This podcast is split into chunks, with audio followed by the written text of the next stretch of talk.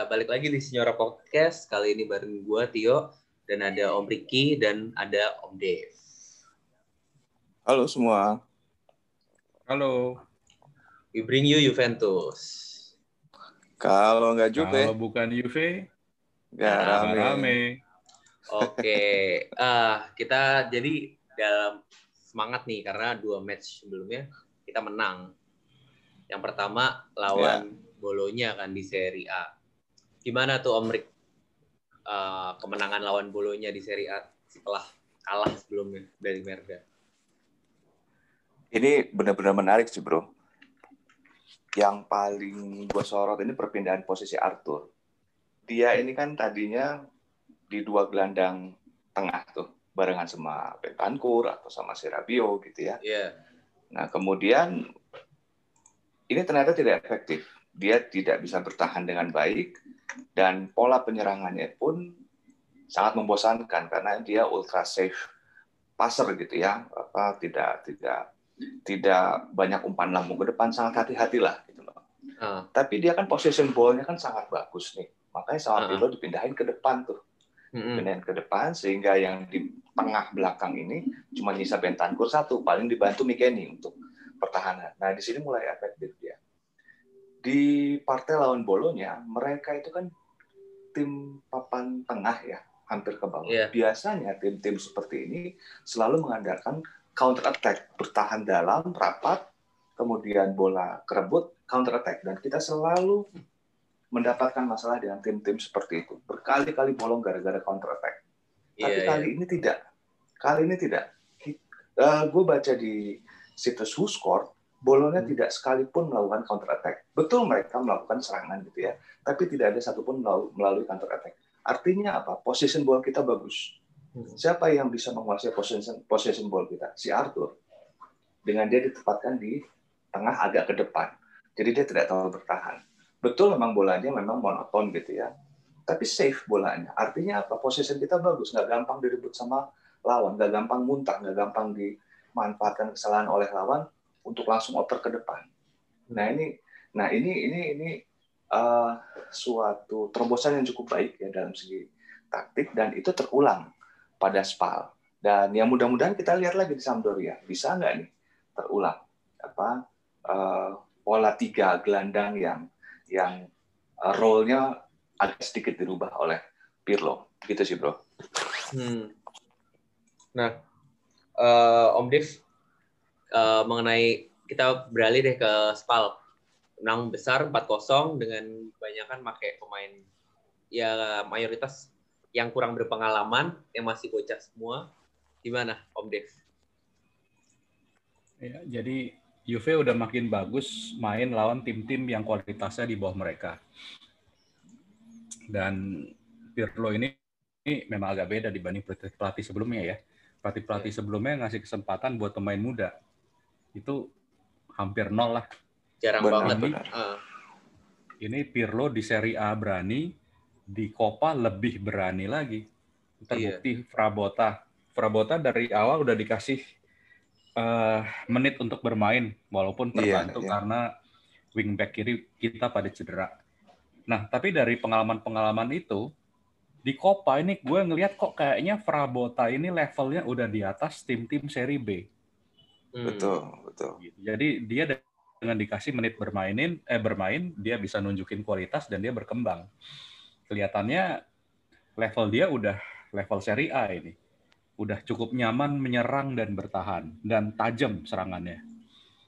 Nah, selain Frabota kemarin yang mengkilat itu ya Fagioli ya buat level dia Hmm. main lawan tim seri B kayak Spal itu gua kaget juga lihatnya kok bisa kayak gini mainnya gitu. Cakep ya. Ternyata ternyata berkualitas ya. Dan Iya, setelah iya, lihat iya. dia ini aslinya AM yang sama Pirlo di convert jadi regista. Kemarin Iya, mainnya kan agak iya, ke dalam. Iya, iya Memang betul. sih dia bikin kesalahan ya. Itu dia ada yang Mhm. gue lihat sih minimal sekali tuh dia pas dari belakang eh, intercept Kena lawan. Mm, Ya itu kalau lawannya kualitas Serie A sih udah jebol sih. mm. Cuman di luar itu ya ini menjanjikan ya kelihatannya punya akselerasi bagus, punya yang yang menonjol itu passing ya. Iya, iya. Passing dan ini cukup tenang buat pemain seusia dia. Kayaknya cukup tenang ya, cukup cool gitu Betul. under pressure, Uh-uh. under pressure, cool buat bisa lepas dari tekanan dengan apakah back pass ataupun dribbling. Hmm. Terus bisa lihat lubang. Berapa Iya, kali iya. kan dia nusuk ke depan, Mm-mm. terus bisa passing dengan baik itu ya sangat-sangat menjanjikan. Cuman gua nggak yakin ya dia bakal sering dimainin. Ini ya mungkin cuman karena spal aja nih. Copa berikutnya lawan Merda aja gua rasa dia paling jadi cadangan. Mm. Hmm. Ya secara keseluruhan sih tim mainnya bagus ya, mendominasi. Cuman ya banyak biasalah banyak buang-buang peluang dan baru bisa dikonvert setelah Kiesa masuk. Iya. Begitu iya. Kiesa masuk, ya udah habis lawannya. Kiesa akhirnya kan satu assist, sa- satu gol ya.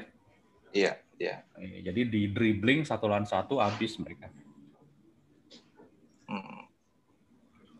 Nah, Keren, eh, keren, emang keren.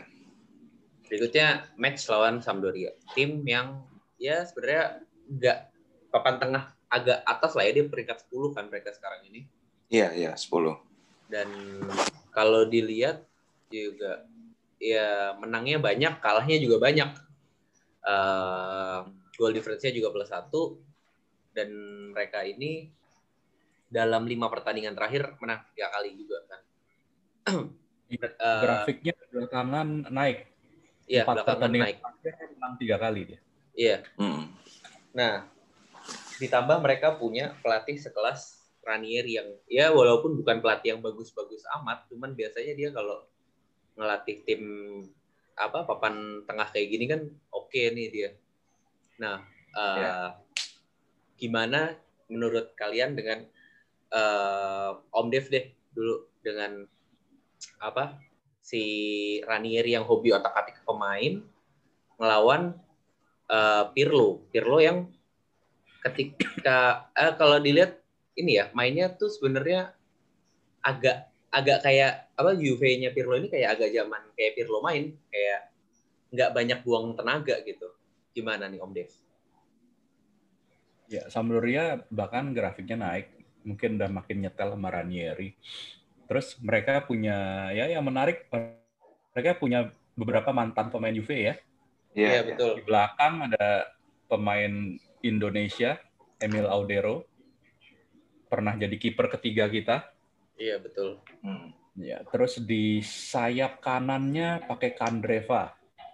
Mantan Kandreva. pemain Juve juga, walaupun lebih beken di Merda. doang. Iya. Jadi ya walaupun dia beken di Merda tapi pernah main di Juve. Terus ya yang paling menonjol ya Quagliarella mantan top skor. Jadi mereka punya cukup punya pemain berpengalaman di Kandreva sama sama si Kwak. Eh, Ramirez juga mantan pemain Merda kalau nggak salah ya. Dia juga ada di Iya. sana. Ekdal, sorry ada satu lagi mantan pemain Juve. Ekdal. Di tengah. Ini juga kalau Albin nggak salah, ya kalau nggak salah dia kapten nih. Mm. Pemain tengah, mantan pemain tengah Juve, cuman dia dulu masih pemain muda ya, kurang berkembang. Iya. Nah, yang menarik di sini sih sebetulnya pemain mudanya nih, Damsgaard di sayap kiri. Ini dia belum semusim di Sampdoria, tapi potensinya udah kelihatan dan jadi rebutan uh, Hmm. tim-tim top sekarang. Uh, jadi mereka mainnya solid ya, nggak spektakuler, tapi solid ya, standar permainannya Ranieri. Jadi ini tes yang bagus buat Juve kalau mereka beneran udah bangkit, harusnya walaupun nggak terlalu gampang ya, ini harusnya bisa diatasi. Tapi kalau modelnya ceroboh kayak Cuadrado waktu lawan Fiorentina, ya bisa kalah lagi. Hmm. Dan yang Jadi, menarik ini Menurut gue balik-balik ke Juve-nya. Hmm. dan menariknya lagi ini di sini Sampdoria sempat ngalahin Merda ya. Iya, iya. Iya. Home, partai home ya kalau nggak salah 2-1 Iya. kalau nggak Iya. Iya, karena Ah. mereka cukup solid. Performa mereka di home juga empat kali menang musim ini kan. Dan itu lumayan. Ya Ranieri sih ya. Emang tipenya begitu dia. Gimana Om Dev? Solid banget. Eh Om Om Rick. Mengenai Sampdoria. Iya.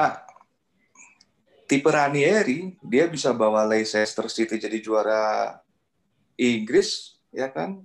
Itu bukan cuma jago taktik, tapi juga jago motivasi pemain-pemainnya. Iya, personal Dia skill-nya bisa- juga lumayan. ya. Iya benar, personal skillnya juga top banget itu pasti. Dan memang kalau gue baca sih dari kesaksian-kesaksian pemain-pemain Juventus dulu, mereka ini memang senang dilatih, dilatih Ranieri. Hanya saja dia tidak bisa berkembang kalau misalnya masuk ke tim yang punya pemain-pemain bintang. Dulu kan Juve kan pemainnya belum bintang tuh zaman si Ranieri itu. Iya, Nah, iya. kalau misalnya ya Masa-masa dia banter. masuk ke tim dia masuk tim yang penuh bintang eh, kelelep dia nggak bakal diingat nggak nggak bakal didengerin karena apa karena memang me- metode taktiknya itu dia makanya dijulukin Tinkerman karena dia kan tukang mikir artinya apa dia menyesuaikan setiap taktiknya dia dengan lawan-lawan yang dihadapi jadi buat yang pemain bintang lu nggak nggak konsisten gitu loh Iya. punya taktik lu nggak konsisten. Gue ngikutin lu eh, gimana caranya. Sementara Ranieri ya dia punya pemikiran sendiri loh. Ya ini tak caranya gue untuk menghadapi lawan gitu ya. Hmm. Tapi ya Merda pun bisa kalah karena memang Tinkerman dia itu bisa bisa absorb semua kekuatannya si Inter ini diabsorb sampai dia lemah serang balik jeger itu empat belakang empat tengah dua depan maju bareng berantakan udah Inter kalau udah diserang balik itu yang sayangnya waktu pas kita kalah dulu lawan Inter ya kita kurang kita kurang kompak ya entah alasannya kenapa lah ya waktu itu mungkin Kalau gua Gara-gara rasa itu mikirin super Copa lah nggak tahu lah Mikirin super Mungkin lah. Copa gua rasa. Kayak Parah main banget. simpan tenaga gitu. Iya, jadi aduh, eh sudahlah. Gitu. Nah, Sampdoria ini dia apa? Dia bisa mengabsorb semua kekuatan lawan, serang balik, absorb serang balik gitu. Parma itu tipenya sama kan kayak Inter, dia mengandalkan fisik dan kecepatan Garfinho. Diserap sama dia, serang balik, serap, serang balik. Leicester juga model-model kayak begitu. Nah, lawan kita nih. Nah, di kita ini menariknya Pirlo dia tidak mengandalkan serangan yang membabi buta. Maksudnya begini, kita serangan kita tuh lebih dengan eh, strategi bola cepat. Pemain-pemain kita jarang, bukan jarang ya. eh, tentu kalau misalnya mau menyerang itu ada yang lari atau pas bertahan ya pasti lari akan mundur. Tapi lebih ke arah bola itu cepat dialirkan ke pemain-pemain yang kosong gitu ya. Jadi konsentrasi lawan yang yang yang bertahan yang bertahan terlalu dalam, yang bertahan dalam dan rapat ini bisa kebuka lama kelamaan. Apalagi ada Kiesa yang berani one on one. Apalagi kalau misalnya si Arthur dia bisa slice eh, slice itu gimana ya maksudnya? Dia memotong umpan-umpannya itu bisa membelah gitu loh. Kalau dia bisa dia bisa bisa melakukan hal itu, lama kelamaan pertahanan Sampdoria yang rapat dan dalam ini pelan-pelan kebelah. Dan si Morata yang larinya cepat, ini harusnya bisa mengambil kesempatan karena apa? Back-back Sampdoria ini yang walaupun tinggi gede, ya mereka kan bisa absorb tenaga lawan itu karena memang juga mereka tinggi gede kan. Mereka Hmm. larinya pelan. Ini kesempatan Morata, ini kesempatannya si siapa itu namanya Eh, Kiesa yang larinya cepat, yang goceknya bagus. Bakal kejungkal itu kayak si Jeremy Boateng itu tuh, yang lawan Messi kan kejengkang kan. Nah, bisa kayak begitu. Cuadrado misalnya. iya. Cuadrado susah itu kalau misalnya dia umpan-umpan lambung begitu gampang dinetralisir sama back-backnya Sampdoria. Ya mudah-mudahan eh, bisa jebol juga sih ya kan. Tapi kalau normalnya bola-bola lambungnya Cuadrado bakal gampang dinetralisir sama mereka. Karena emang jago banget si back Jepang itu siapa sih namanya? Yoshida. Yoshida. Lupa sama si Yoshida. Oh, Terus tapi ada si Cristiano kan lompatannya Ya, kayak ya. alien aja tuh. Nah, Terus masalahnya dulu itu masalahnya Cristiano bakal main nggak? Spektakuler dia itu kemarin lawan Sampdoria ya musim lalu. apa? musim lalu, musim ya? lalu lawan Sampdoria. Lupa. Tapi sekarang Nah, ini kan- Cole backnya bro. Sekarang ini Cole. Cole ini nama panjangnya siapa lah gue lupa. 195 apa 193 ini tinggi banget. Musim lalu nggak Jadi ada ya. emang-. Nggak ada. Jadi kemungkinan kita bisa menang pakai bola-bola datar. Dan gue sih yakin Pirlo sudah melihat ini.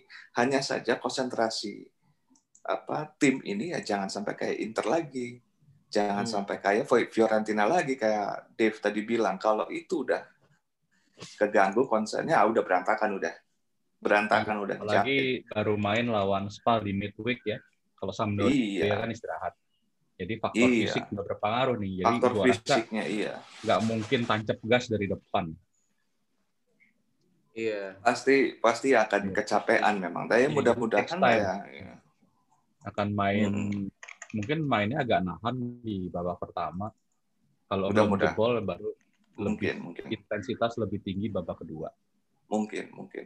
Kalau gue sih pengennya, feeling gue sih, Pagione bakal masuk lah. Senggangganya di menit 80 lah ya. Dan gue sih berharap Kalau umpan-umpan unggul kali. ya mudah-mudahan lah ya. Entah unggul atau malah lebih bagus lagi, dia bisa membawa kemenangan. Itu bakal, waduh, euforia banget tuh kan. Model, dia tuh Naikin model kayak. Marquisio kan. Janganlah, jangan dijual bro, janganlah. Itu anak kayak Marci- Marquisio banget kan itu. Eh, Dan memang dia lebih AM. Juve. Kalau Marquisio kan CM. Marcisio Iya, iya. tapi enggak. Maksudnya Tapi- statusnya dia, statusnya tuh anak binaan kita gitu loh. Tapi mungkin juga kan dia di convert ke CM kayak Marcisio kan awal awal karirnya juga AM dia kan. Kayaknya sih gue ngelihatnya si Pirlo eh, apa memperlakukan si Fagiolini itu kayak dia gitu loh. Mainnya kan ditaruh di depan back gitu. Apa. Jadi center serangannya kita dengan umpan-umpan lambung mirip banget sama Pirlo. Cuman ya belum setajam Pirlo ya. Iya. Ininya apa umpan-umpannya gitu. Cuman sayang lah kalau dijual kalau menurut gue. Dan- Tahan aja dulu. Sebenarnya gini sih, eh, ada yang menarik dari yang tadi diomongin sama Om Rik. Yang lu bilang ketika eh, Ranieri ini punya taktik yang nggak absorb eh, kemampuan lawan gitu. Gue kemarin baca di mana Iya, gitu iya. ya. Eh, itu di situ akan jadi duel menarik antara tim yang punya kemampuan absorb kekuatan lawan sama Juve yang sebenarnya ya ya gitu mainnya kayak kayak Pirlo gitu nggak terlalu banyak buang tenaga cenderung males-malesan mm. maksudnya mal- males-malesan dalam arti yang ini ya yang apa namanya dalam arti yang bukan arti negatif Iya, ya. menunggu bola dia. Iya, iya. kalau gue ngerasanya gini ketika eh, si Sampdoria ini ketika ketemu lawan yang ngepres mereka mungkin akan lebih Mm. kuat ketimbang ketemu lawan yang kayak Juve gini yang tim yang ya ini yang Iya. males-malesan yang nunggu Iya. Eh, eh, apa namanya Pirlo memang emang dia kan ngandelin ngandelin otak kan dalam bermain kan. Iya. Kita jarang ngelihat dia naik turun kayak Vidal gitu. Tentu dalam tim itu harus punya oh, orang seperti Vidal itu memang harus. Tapi eh, kalau Pirlo sendiri dia bermain eh, gini supaya kita nggak kecapean dalam dalam dalam satu match gitu ya supaya kita nggak kelelahan kemudian serang balik kita potong panting eh, kita harus mengalirkan bola dengan cepat sehingga apa orang-orang dalam lapangan ini nggak boleh ngacak posisinya harus tepat di situ. Jadi ketika dioper ya tutup mata aja. Dia sudah tahu si yang ngoper ini ke mana gitu loh. Jadi nggak boleh nggak boleh. Ya sebenarnya di bala itu sebenarnya eh, nggak cocok eh, dalam hal ini dengan eh, apa strateginya Pirlo. Karena kan dia larinya ke mana-mana Iya, tuh. setuju setuju. Jadi tim bingung mau ngopernya ke mana gitu loh. Nyari di balanya bingung gitu loh. Nah di di, di sistemnya Pirlo ini orang-orangnya udah jelas jadi ngopernya tuh udah ya supaya bisa bola itu cepat maju ke depan itu kan harus insting kan? Nggak bisa Iya. kita mikir oh ini umpan ke mana ya? Nggak boleh. Harus insting udah tak tak tak tak tak tak tak tak. Kemudian eh, di lapangan lawan di apa kotak lawan baru di situ. Terserah lu mau ngapain. Tapi sebelum situ ya ini harus pakai insting, harus posisinya tetap tepat gitu. Jadi kita nggak banyak lari sebetulnya. Si Pirlo Ya, sendiri betul. ngomong kok, anak-anak anak-anak saya nggak boleh banyak lari supaya nggak kecapean gitu loh, supaya nggak tiba-tiba counter kontang panting dari depan oh nggak bisa begitu. Walaupun kita defensive high line-nya high high defensive line-nya tinggi, tapi kita nggak berarti pontang panting ngejar bola. Asal kita bisa oper apa bola dengan cepat itu kuncinya. Gitu. Cuman ya harus konsentrasi tinggi ya. Jangan kayak pas lawan ya Fiorentina begitu udah hilang konsentrasinya udah berantakan Iya semuanya. betul. Memang sebenarnya menarik sih, Eh, apalagi ketika eh, yang men- yang menurut gue cukup ini lagi tuh sebenarnya adalah eh, kemarin performa Juve tuh sampai disorot kan, yang gue kirim link itu apa what what went wrong with Juventus gitu kan. Oh. Hmm. Itu udah ini belum? Udah nonton belum? Gue belum nonton, Dave udah kali. Oh, Apa tuh? What? Went wrong yang dari mana? yang itu yang kemarin yang, Yang. YouTube-nya Tio. yang gua share itu what went wrong with Juventus. Gue ada lihat, cuman nggak tahu tuh yang dari Tio. Itu ceritanya gimana kalau yang dari itu?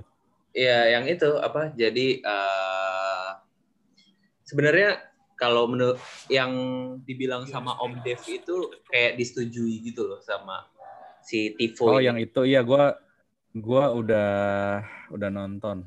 Dia basically cuman ngerangkum sih perkembangan Juve dari awal Pirlo ngelatih sampai sekarang. Ya poin dia itu ya standar ya, maksudnya apa yang memang udah di ini di udah diketahui orang-orang di Twitter. Iya. Iya. Jadi ya karena kan Pirlo pemain eh, pelatih baru, dia perlu adaptasi. Terus pemain kita juga agak-agak revolusi kan, banyak pemain muda yang baru perlu Hmm. penyesuaian. Dan pemain muda kan inkonsisten.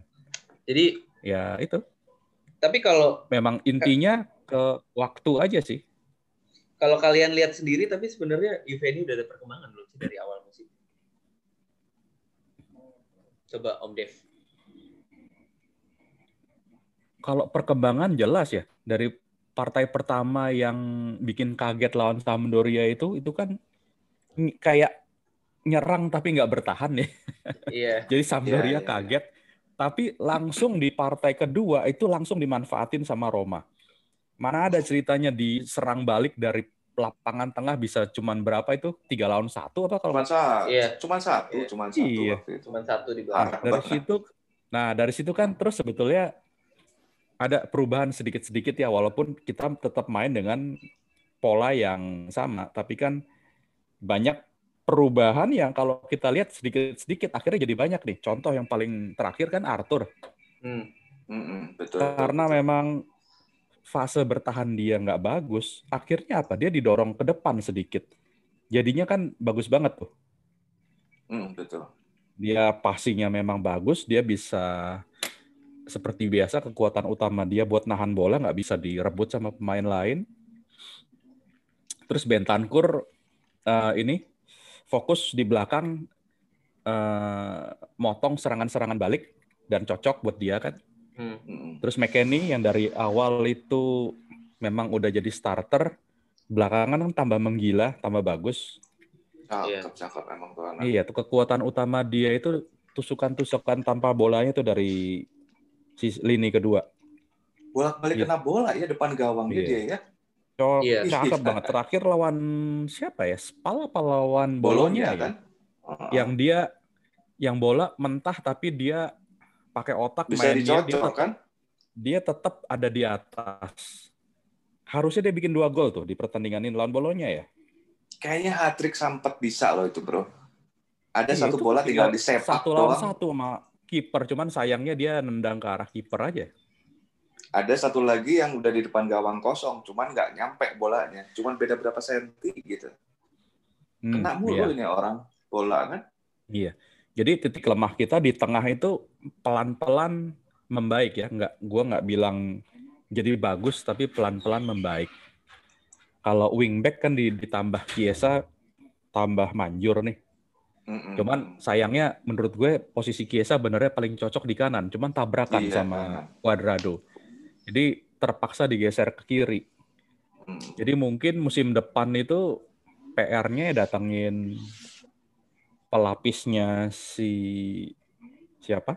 Alexandro atau mungkin penggantinya Alexandro. Tergantung si Frabota mau diapain nih karena kan grafik permainan membaik. Iya. Mau dipertahankan, mau dilepas, kita nggak tahu nih. Bisa jadi Tapi sebenarnya mungkin kalau buat cadangan sih cocok ya sambil iya. dia pelan-pelan meningkat. Setuju, gua rasa setuju. cocok juga. Karena kemungkinan grafiknya Sandro yang membaik. kemungkinan Sandro yang dilepas ya. Sandro yang dilepas, Prabota jadi backup. Bisa ya, bisa enggak ya karena Sandro kan belum maksimal nih dan dia sebenarnya cocok banget nih main jadi wingback. Mm, mm, Cuman kan di awal musim cedera, terus kena COVID, terus uh, ini dia belum pulih uh, 100% gara-gara COVID. Jadi perlu waktu. Ya nanti kita lihat nih di paruh kedua musim ini kayak apa nih mainnya Alexandro. Iya, dan apalagi dia Karena, kan ini juga kan apa uh, awal karirnya dia lebih sering main di wingback kan di Porto. Ya, gue nggak terlalu iya, tahu sih iya. dulu. Cuman kalau lihat karakteristiknya cocok banget jadi wingback. Dan yang yang jadi masalah kalau mau tuker ya, mau jual dan beli pemain baru, kan lagi masa COVID ini Juve juga kena masalah ekonomi ya. Jadi gue rasa nggak bakal gampang jual beli pemain. Hmm. Model-modelnya yang mungkin kayak beli Kiesa kemarin ya. Iya. Iya, nyicil nyicil sampai empat kali kan loan dulu mm -hmm. terus obligation to buy iya yeah. panjang gitu jadi sama tahu deh bisa gitu, kan? segampang dulu beli pemain nggak apalagi titik lemah kita kan di tengah dengan perbaikan-perbaikan yang ada tapi tetap kan sebetulnya kualitasnya ya nggak terlalu tinggi ya kalau kita ngomongin sebagai top tim Eropa. Yeah. Jadi kan isu Pogba balik terus mau datangin Locatelli ya karena memang kualitas kita pada dasarnya kurang. Cuman yang Pirlo lakukan sekarang kan memaksimalkan yang ada. Iya. Apalagi Jadi, rumor awar juga kalau ditanya, mulai aja lagi kan. Apakah sudah ada perbaikan dari awal musim? Ya jelas banyak peningkatannya besar. Oke, uh, kita beralih ke Merda kali ya. Uh, Merda ini kita kan kemarin habis kalah tuh 2-0. Terus hmm. sekarang ketemu lagi di Copa. Nah, itu gimana tuh, Om Rick, menurut lo? Kalau gue jujurnya yakin bisa menang loh untuk yang partai Copa ini. Karena apa? Triple D bakal main. Jadi yang bisa mengantisipasi cepatnya apa striker-striker Inter ini orang-orang yang punya fisik dan awareness tinggi tackle-tacklenya juga nggak main-main. Kemarin itu kan kita nggak ada delik, ya kan waktu iya, pas betul. lawan Merda nggak ada delik, ya kan. Bonucci rentan, dia oke, okay, memang dia paling senior, ya dia juga umpan-umpannya bagus. Tapi dia untuk tacklingnya memang agak menurun. Tapi ya dari dulu juga kan tidak terkenal oleh tacklingnya yang bagus karena memang Bonucci. Iya, dia betul. itu dijaga oleh Barzagli dan Chiellini, hmm. gitu loh. Nah sekarang kemungkinan besar Chiellini akan main lawan partai Sampdoria. Tapi nanti lawan Inter, kemungkinan nanti triple D yang main. Si Danilo, Demiral, Delik. Ini orang tiga udah bajak semua nih. Badak. Gitu. Jadi untuk untuk oh iya badak semua, kencang-kencang semua lagi larinya. Iya. Dan kemungkinan besar Hakimi, eh sorry bukan Hakimi, Lukaku dan Lukaku. Hakimi tidak akan main. Iya, Lukaku, Lukaku tidak pasti nggak main karena ini akumulasi kartu. Yang jadi ya, pertanyaan itu nanti kartu. di game keduanya dia main apa enggak karena ada gosip mm uh, ini suspensionnya akan ditambah satu game karena perang mulut dia sama Ibra. Iya. Hmm. Sorry, itu si Conte itu berlakunya untuk Copa ini atau cuma Serie A sih uh, suspensionnya? Conte dia itu ngamuk, kartu merah di Serie A kan? Gue yeah. nggak ingat deh. Saya ingat gue di Serie A doang deh. Oh Serie iya, A. Jadi, Serie A. Kalau dia di Serie A yeah, kena yeah. kartu merahnya ya dia nggak boleh ada di Serie A juga. Ya. Enggak, Kopa, enggak jadi Copa gitu. bisa ya berarti ya. ya. Yang nyampur itu cuma Super Copa kok. Iya, Super oh, Copa yang gitu. dia lawan Udin tuh. Kartu merah Udin tuh apa? Serie A ya? Seri A. A, Seri A. Jadi Oh, Conte nanti nggak ada di Serie A. Jadi lawan Merda di Copa besok ada dia. Hmm. Yang Iya, nggak iya, ada iya. pasti Lukaku. Ya, Lukaku sama Hakimi ya, eh, suspension ya. Ini Oh, Bisa Hakimi dibilang- suspension juga ya. Ya suspension setengah setengah kekuatan mereka ini digembosi gitu loh. Sementara kita full tim di belakang itu ada Triple D. ya triple D ini jago tackle semua. Sayap kanannya masuk Cuadrado atau Chiesa atau ya sebelah kirinya eh, Alexandro. Jadi kalau gua ngelihat secara secara teknis aja ya kita bisa menang. Hmm. Kita bisa menang. Asal ya jangan jangan kita jadi diri kita sendiri aja. Kita jadi diri Iya. kita sendiri aja. Kita saat melawan Barca, kita saat melawan Milan, gitu ya, yang full concentration dan memang pengen menang gitu loh, yang fokus gitu ya, aliran bolanya cepat. Kita jadi diri kita sendiri aja.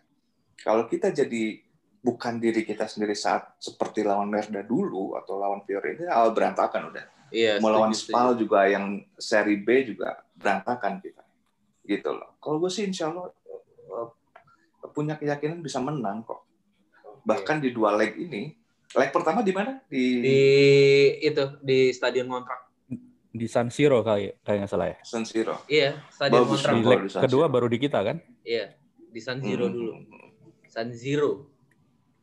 San Siro Om Dev itu benar jadi udah Inter Apanya? Milano tuh Oh, namanya Mas- udah benar ganti eh, masih Oh. ini sih. Harusnya ya. Eh, Kalau nggak salah udah dapat lampu hijau udah deh. rada lama. Itu sih Oh, lebih itu ke arah buat marketing ya, buat oh, marketing ya inilah ngikutin Juve kayak biasa, mempersimpel batch-nya. kalau nggak salah sempat ada gugatan bro sama uh, punyanya David Beckham uh, Miami Inter Miami kalau nggak salah Mirip-mirip jadi ya. makanya ah, jadi ah, ada ada gugatan nggak tahu apakah ini harus mengikuti putusan makanya jadi Inter Milano kita nggak tahu. Hmm. tapi setahu gue sih yang dipermasalahkan waktu itu Internya kata-kata Inter karena Miami itu Inter Miami gitu. Internya nggak suka. Itu ngambil punya gua. Si Beckham bilang loh lu bisa ngomong ini punya lu dari mana? Ini kan milik umum gitu loh mas. Nama Inter ini kan milik umum. Internya nggak bisa. kalau kalau mereka pakai Inter Milano, gua rasa nggak ada masalah. Terus gimana Asal- Om Dev? Kalau gue sih terserah mereka lah asal bukan pakai nama Alisa Milano nggak masalah. anak sekarang nggak ada yang tahu kali Alisa Nggak ada yang bro. tahu, biarin aja. Gua tahu, gua tahu, gua tahu, gua masih tahu. Iya, eh, Kalau gua Ricky itu pasti tahu banget. early crush itu ya zaman dulu buset Gila terus gimana banget. Om Dev? Om Dev. Nggak ada yang kayak Alisa Milano lagi Tapi sekarang. dia fans Merda ah, juga udah, kan? udah udah udah Oh iya Ah, tuh cuman Alisa Milano. baju cuma pakai baju Iya. doang Nonton kan? Itu karena suaminya, Nonton suami dia. dia waktu itu itu fans Merda, tapi gua nggak tahu itu masih suami dia apa enggak. Hmm. suaminya dia kan sekarang si ini bukan sih Eh, aduh gue lupa itu aktif banget tuh soal politik di Twitter Alisa Milano Oh siapa iya, ya suaminya gue ya. lupa Ya pokoknya itu Ah. gara-gara suaminya lah. Dia itu fans LA apa Dodgers ya, yang baseball itu. Iya. Dia itu aslinya fans Dodgers, ya. baseball. Mhm. Ya anyway, itu sedikit mengenai Alisa Milano. Next. Oke. Gimana Om Dev lawan itu? Lawan Merda? Oh lawan Merda, ya kurang lebih sama Sampai kayak yang lupa Ricky dia. bilang. Malah fokus kali menurut Milano. gue, eh, menurut gue si apa Conte ini sangat perlu striker yang kayak Lukaku. Jadi eh, mereka nggak punya backup yang kayak Lukaku kan, walaupun Iya, mau betul. coba datengin Zeko, tapi gua rasa duitnya kurang kecuali mereka bisa jual pemain lain. Jadi tanpa Lukaku, gua rasa gaya mainnya pasti beda dan itu nggak akan seefektif kalau mereka punya Lukaku. Jadi Hmm. eh, menurut gua kans kita cukup besar buat menang di kandang mereka. Asalkan mainnya ya full, nggak nyimpan-nyimpan tenaga. Gitu. Habis itu lawan siapa sih kita? Habis lawan Inter. Roma berat sih emang jadwal kita. Waduh. Iya. Berat berat ya. Ya udah, Di untuk Roma Roma. kita Jadi- simpan buat episode berikutnya. Simpan simpan. Kita Iya, simpan iya, buat iya. episode berikutnya. Udah cukup buat episode Hmm. kali ini. Gue rasa uh, semoga kita bisa ngambil kemenangan di dua match selanjutnya. Uh, Amin. Amin. Amin. Amin. Amin. Uh, demikian dari Senyora Podcast edisi kali ini. Jangan lupa share, uh, follow, dan uh, ya follow Instagram sama Twitternya. Makasih sebelumnya. Thank you. We bring you Juventus. Kalau nggak Juve, Kan Juve. Enggak nggak rame. rame. Bye. Bye. See you. See you guys. See you.